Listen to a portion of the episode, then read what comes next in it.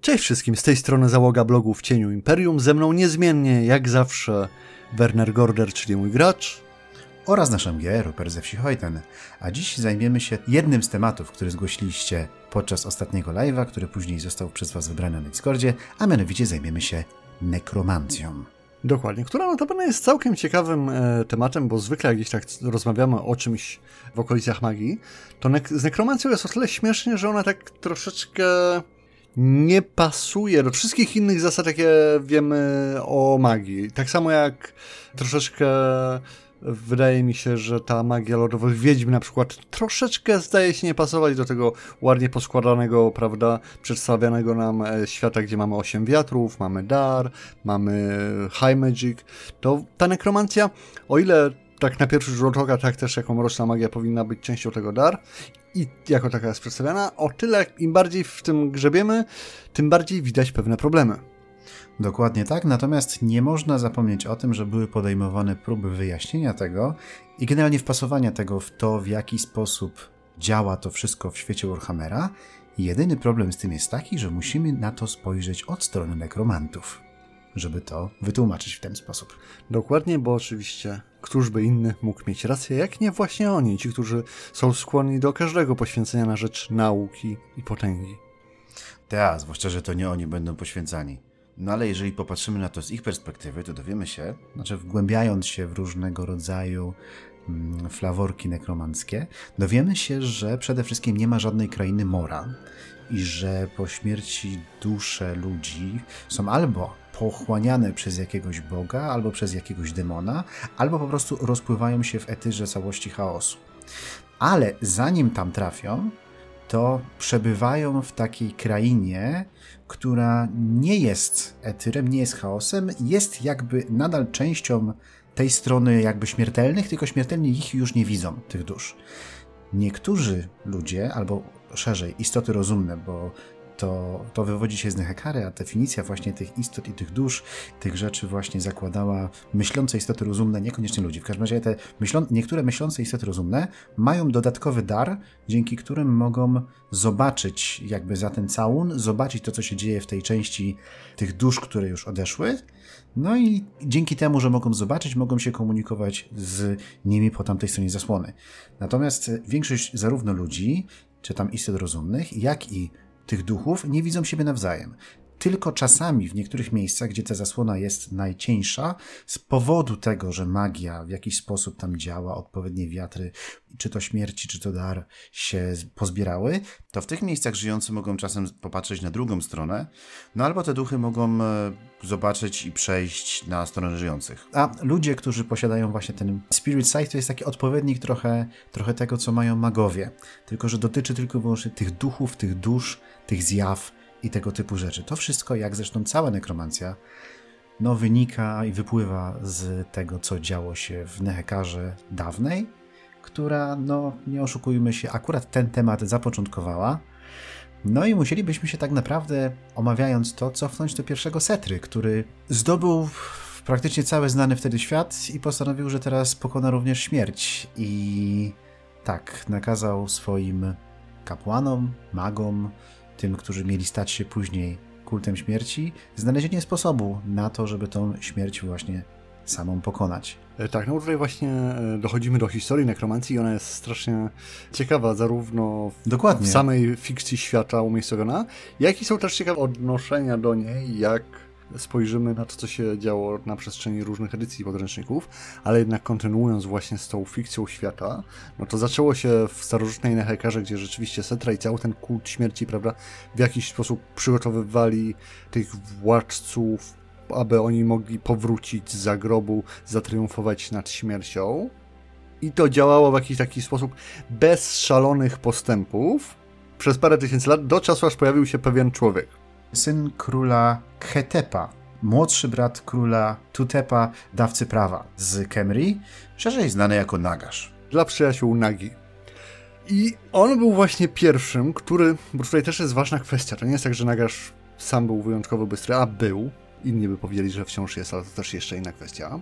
Ale pomijając właśnie to, że on miał całą tą podbudówkę kultu śmierci, który już od tysięcy lat starał się doprowadzić do tego, żeby wielcy władcy przeszłości mogli powrócić do ponownego życia, to Nagash oprócz tego wszystkiego schwytał mroczne elfy o których się mówi, że trzy, a w zasadzie czarnoksiężników mrocznych elfów.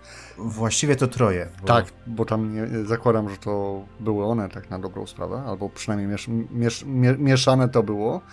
Jedna była na pewno. Tak, bo jest coś takiego jak Dark Magic, czyli mroczna magia, jest również wykorzystywana przez właśnie mroczne elfy. Nazwy nie są przypadkowe tutaj w tym wszystkim.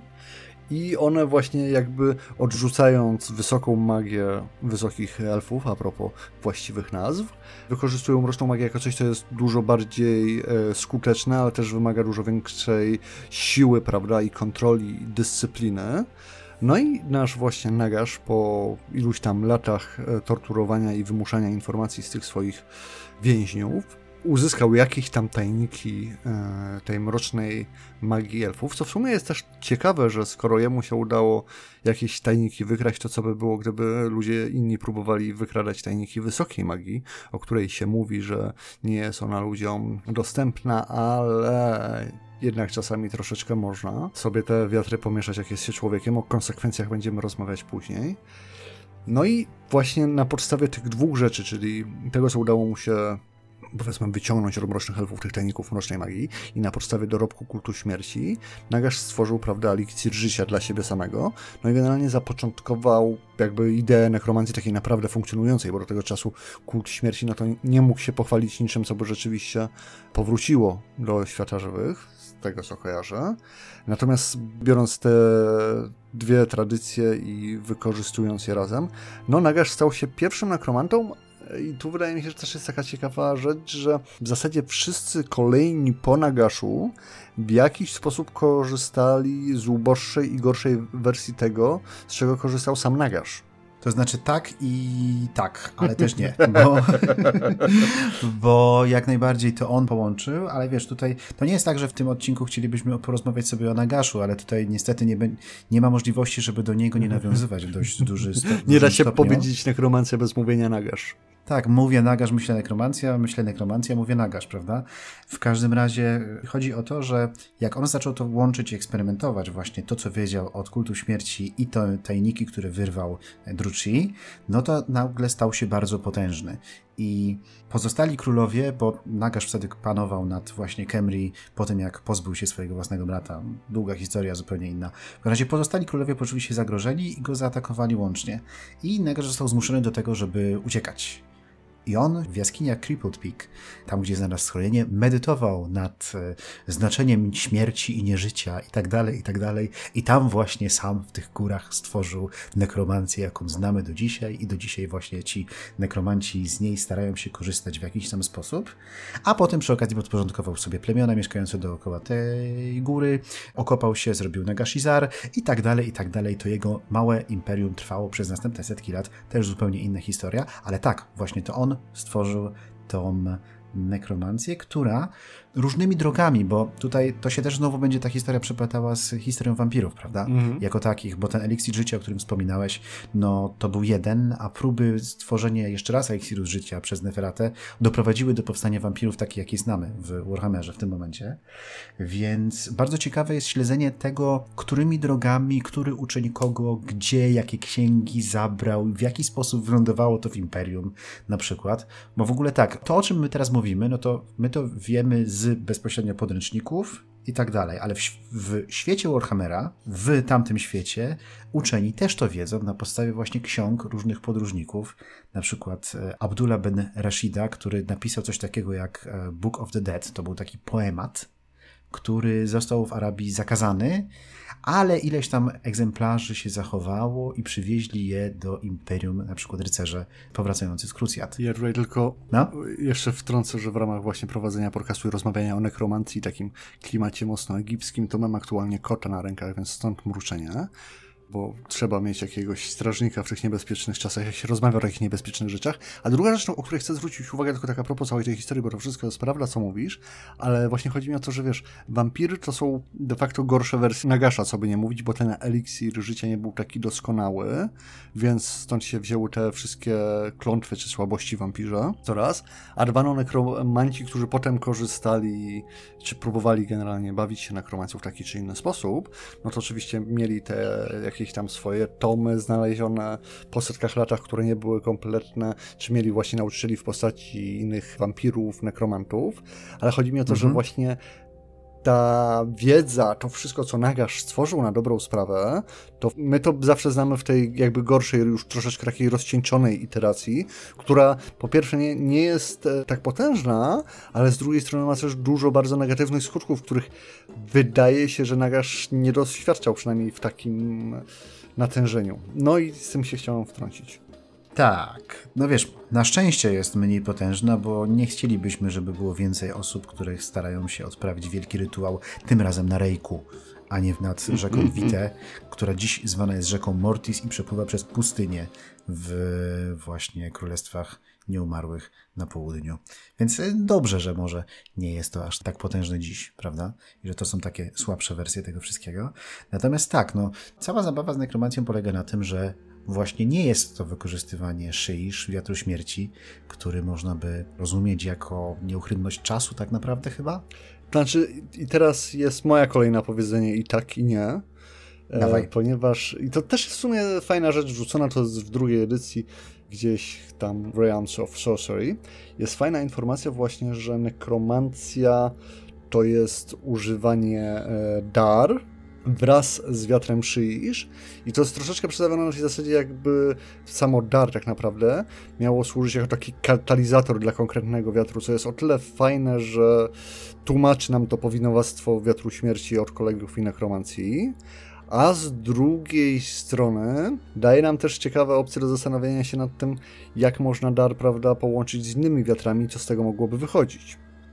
Okej, okay, można by w ten sposób, chociaż ja sobie to próbuję właśnie wyobrazić w ten sposób, że jeśli normalny wiatr szyisz jest odpowiedzialny za śmierć, za tą nieuchronność śmierci i tak dalej, to nekromanta stara się, ja to tak sobie tłumaczę, że nekromanta stara się zaprzeczyć tej nieuchronności, wyciągnąć to jeszcze bardziej, odkręcić swoją własną siłą woli, stąd ta dar do tego potrzebna.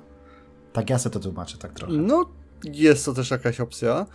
Mi się tutaj podoba, bo to też jest ważna rzecz, której gdzieś tam zawsze na bokach wspominaliśmy też przy okazji właśnie rozmów o magii, że właśnie dzięki nekromancji dar nie jest tylko czymś związanym z chaosem bezpośrednio. W sensie, tak, to jest y, coś, co bardzo często jest w jakiś sposób spowinowacone, bo wiadomo, że mamy tą dar, mamy spaczeń i to wszystko jak w jakiś tam sposób mutuje i bramy chaosu i tak dalej, jest to pomieszaniem tych e, ośmiu podstawowych kolorów magii, ale z drugiej strony właśnie są informacje, że nekromancja i wszystkie inne tam domeny chaosu i magia chaosu z tym związana nie są tożsame, ba na swój sposób są sobie przeciwne, tak, bo nie znamy w zasadzie żadnych źródeł, nie ma o mutujących nekromantach czy mutujących nieumarłych. Więc w jakiś sposób nekromancja wydaje się być też zaprzeczeniem chaosu, co jest bardzo ciekawe jeszcze w kontekście, jak spojrzymy na to, że prawda, kiedyś tam Dor mieliśmy bogów prawości, którzy mieli być zaprzeczeniem tego chaosu, więc to w jeszcze ciekawszym miejscu niejako stawia nekromancję, gdybyśmy się próbowali nad tym zastanowić. I ja jeszcze dołożę kolejna fajna rzecz, która w zasadzie można też znaleźć, jest fakt, że magia od tych kapłanów liczy, od Kemri, de facto jest bardziej magią kapłańską. W sensie ona nie funkcjonuje na zasadach magii. Nie była tak e, też rozpisana na zasady magii w podręcznikach do Bartla, w sensie nie można było jej dispelować. To działało na zasadzie takich rytuałów, które były powtarzane i miały jakieś tam magiczne efekty, ale właśnie działały na zasadzie tego, jak rozumiem, ludzką magię kapłańską. No tak, ale tu przechodzimy i łączymy to z nekrotekiem, prawda? To jest też trochę coś innego. To prawda, jednak, ale... jednak nie jest to nekromancja, Tak, prawda? to prawda, ale jest jeszcze druga rzecz też a propos tego wszystkiego. I a propos już samej nekromancji, to niektóre wampiry są jakby naturalnymi nekromantami. Jest taka cecha, to się pojawia na zasadzie, że one same z siebie po prostu potrafią e, wywrzeć swoją wolę na innych nieumarłych zombiakach, szkieletach i tak dalej. Nawet jak same nie były nigdy szkolone w magii co jednak nam tutaj nekromancję stawia w takim ciekawym punkcie czegoś, co z jednej strony jest powiedzmy jakąś tam magią, którą trzeba studiować, uczyć się e, czy to od mistrzów, czy od tych starych ksiąg, a z drugiej strony ona jakąś cząstkę ma, która wiesz, wynika z własnej woli, z własnego poczucia, nie wiem, wiary, e, poczucia śmiertelności, nie, nie wiem jak to nazwać, no ale w jakiś sposób jednak odbija się od, troszeczkę od tego, co znamy o, prawda, opisanego o zwykłych magiach. I to jest też taka typowo ludzka rzecz, prawda, bo tak, bo tutaj trzeba zaznaczyć, że pozostałe rasy raczej nie zajmują się nekromancją, no bo ona wynika z tego, że ludzie są śmiertelni i chcieli żyć dłużej, prawda? Tak. To wszystko z tego wynika. Elfom niepotrzebne, no bo jeśli dobrze pójdzie, mogą żyć bardzo. Ale wiesz, no, je, jeżeli się cofniemy troszeczkę też właśnie do Dark Magic i do Mrocznych Elfów, to te zaklęcia z Dark Magic Mrocznych Elfów niektóre z nich widać, że są niejako w duchu nekromancji. W sensie widzimy, że tam są rzeczy na zasadzie wyssania życia czy czegoś podobnego, więc wiemy w jaki sposób z tego mogła wyjść nekromancja. To raz, a dwa, jeżeli spojrzymy na te bardzo, bardzo długowieczne elfy, no to zazwyczaj są one mroczne i zazwyczaj są również potężnymi czarnoksiężnikami de facto, tak? No dobrze, ale chodzi o samą potrzebę, samą próbę zaprzeczenia śmierci. Elfom nie jest potrzebna, bo w dobrych warunkach będą żyć bardzo, ale to bardzo długo. Przedłużenie życia dla elfa no nie jest problemem. To ludzie chcieli przedłużyć swoje życie. Ja wiem o co chodzi, ja wiem, że tak jest napisane w podręcznikach, ale właśnie chodzi mi o to, że z tych elfów, które żyją naprawdę długo, które znamy, to Smelek i Timorati. I oboje... No jest jeszcze paru innych. Tak, ale nie wiem, czy znamy kogoś starszego, kto by jeszcze funkcjonował na tyle dobrze. Tak Starszego nie, ale w Laurelorn teraz nie przypomnę sobie imienia, też ma kilka tysięcy lat, funkcjonuje całkiem spoko. No tylko w Laurelorn no to z kolei możemy też domniemywać, że kwestia wiatru życia i tak dalej odgrywa jakieś znaczenie. Nieistotne w tym momencie, schodzimy z tematu. To prawda. Wracając do nekromancji i tego, co mówiłeś, to to się najczęściej zdarza, czyli to, że są takimi jakby naturalnymi nekromantami, to to się najczęściej zdarza w przypadku nekrarków, prawda? Mhm. Mhm. I z nekrakami jest właśnie ciekawe, bo jedna z ich linii jakby, czyli właśnie od, e, od Wusorana, nie myli z Uszoranem, skomplikowane i to naprawdę nie jest odcinek na te, na te szczegóły.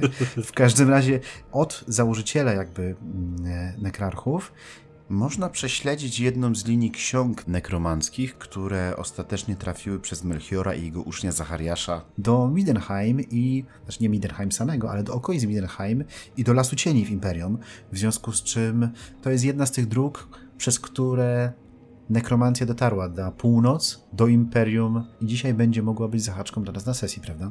Tak, jak najbardziej. To znaczy zresztą właśnie tak już przechodząc ten e, troszeczkę tryb bardziej meta, no to siłą rzeczy nekromancja zawsze była bardzo ważnym elementem Warhammera w zasadzie walka z nekromantami, no bo to przecież... Heinrich Kemmler, nie? Dokładnie, no lochy i potwory, no to dobre potwory, żeby były w lochu, to są oczywiście szkielety i zombiaki, zresztą no wszystko, prawda, z tamtych czasów i później związanego właśnie z fantazy, no to czy to granie w Diablo, czy właśnie Warhammer i rzeczy pochodzące od D&D, no to wiadomo, że wszelkiej maści ożywieńcy to jak najbardziej ważny i potrzebny element. Tak swoją drogą właśnie specjalnie sobie jeszcze chciałem przypomnieć podręcznik do pierwszej edycji Warhammera, zobaczyć jak tam kiedyś nekromancja była opisywana, no bo wiemy, że się wiele... I?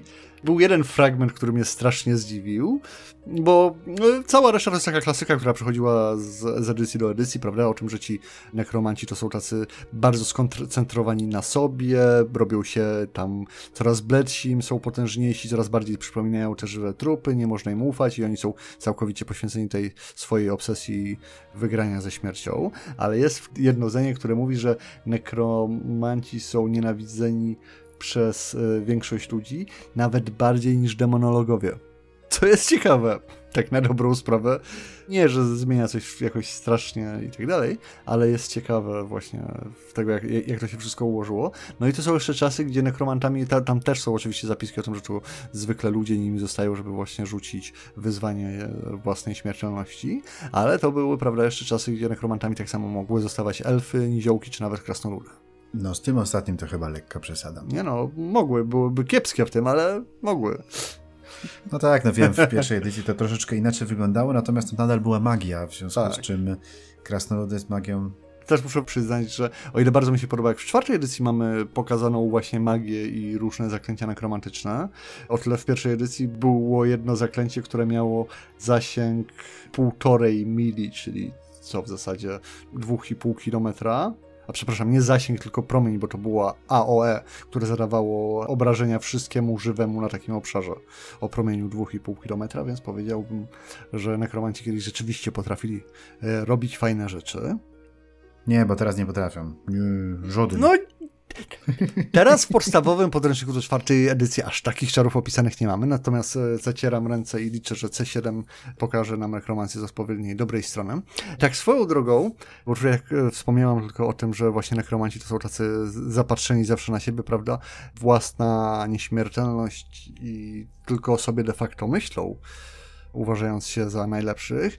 I to na swój sposób wydaje mi się, że też jest troszeczkę ciekawym e, kontrapunktem do w zasadzie, wiesz, zarówno wyznawców chaosu, jak i wszystkich innych czaromiotaczy, zwłaszcza tych kolegialnych, gdzie, wiesz, w kolegiach magii czarodzieje stają się coraz jakby bliżsi tym wiatrom, które, z których korzystają, prawda, wiadomo, standardowy ten przykład pyromancera, który się robi rudy i łatwo się denerwuje wszyscy kultyści chaosu, no to też w jakiś tam sposób ostatecznie rzecz biorąc stają się częścią tego chaosu, prawda? Jak żyją wystarczająco długo, to mutują albo w chaos spawny, albo zmieniają się w demony.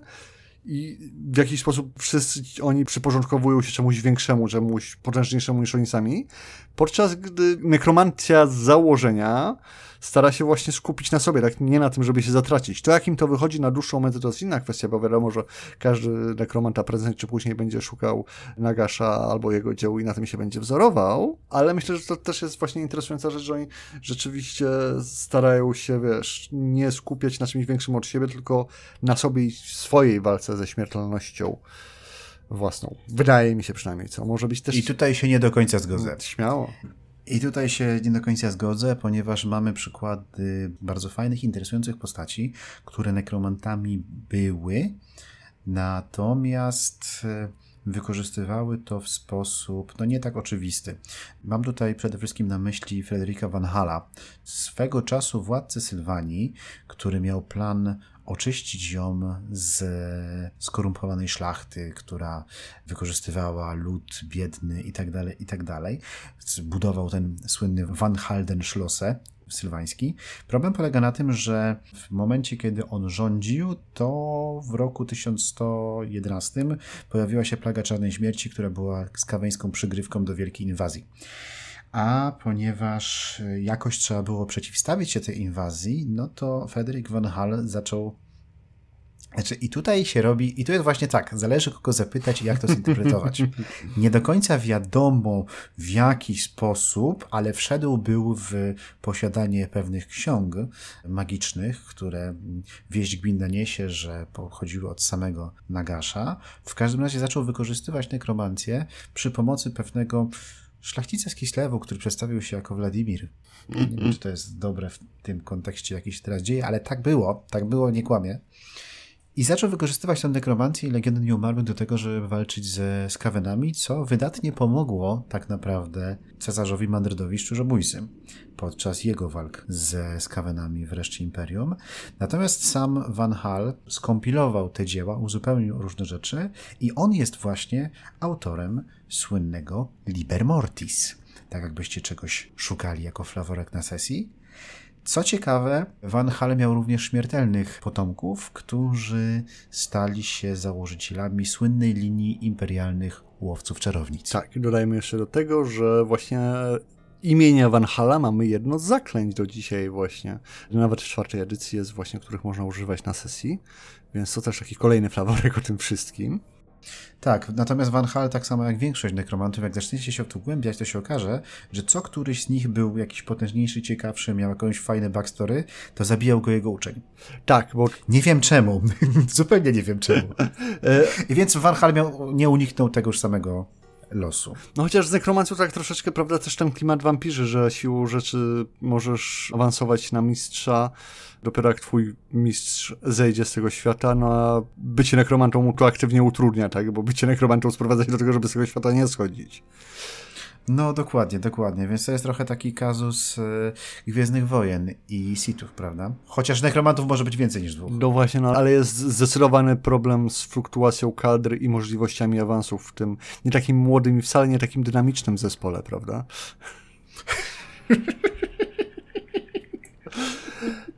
tak. Natomiast jeszcze inne takie ciekawe księgi, nie napisane przez Nagasza, bo Nagasz napisał dziewięć ksiąg Nagasza, z czego tylko niektóre są nazwane, więc jakby co, zawsze macie pole dla swojej wyobraźni, żeby coś fajnego tam gdzieś wrzucić.